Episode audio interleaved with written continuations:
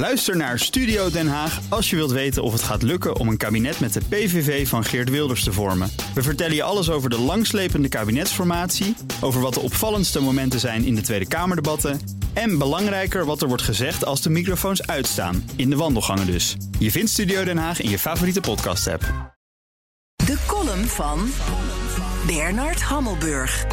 Vandaag eindigt de marathoncampagne van Donald Trump met de ratificatie van de uitslag van het kiescollege. Joe Biden heeft hem verslagen.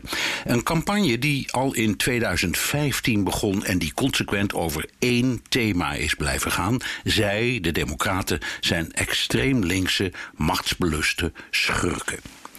Die campagne, gesteund door een leger van boze blanke populisten, leidde tot de spectaculaire overwinning in 2016 op Hillary Clinton en de metamorfose van het schijnliberalisme van de Democraten naar de schijnvrijheid van het republikeinse Trumpistan.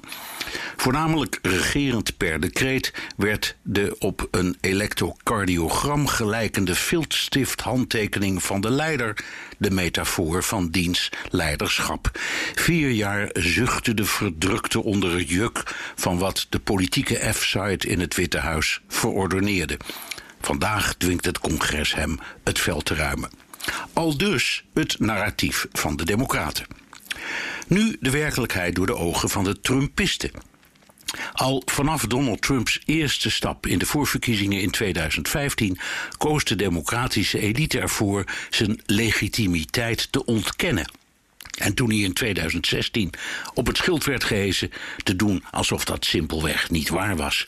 Vier jaar lang regeerde een president van wie de oppositie beweerde dat hij een aberratie was, een opportunistische oplichter en leugenaar die bij vergissing in het Witte Huis terecht was gekomen. Onthullingen over zijn financiën en vreemdgaan werden glunderend door zijn tegenstanders gespeld, altijd stevast gevolgd door dit zinnetje. Dat gaat hem de kop kosten. Op ieders tong lag het woord impeachment. Toen die impeachment echt kwam, hadden de Trump-ontkenners geluksvisioenen en duimden eelt aan hun vingers. Vergeefs, vier jaar lang hebben de Democraten Trumps overwinning niet of nauwelijks erkend. Joe Biden heeft overtuigend gewonnen, maar in kiesmannen gerekend was zijn overwinning precies zo groot als die van Trump vier jaar geleden. We zien nu het spiegelbeeld. De Trumpisten zullen die overwinning de komende vier jaar niet of nauwelijks erkennen. Ze noemen het gestolen verkiezingen, maar dat vonden de Democraten vier jaar geleden eigenlijk ook van Trump. Het Trumpisme leeft voort, zoals het Obamisme ook niet is verdwenen. Of we vaarwel kunnen zeggen tegen Trumpistan zal afhangen van de man wiens overwinning vandaag in het congres wordt bevestigd.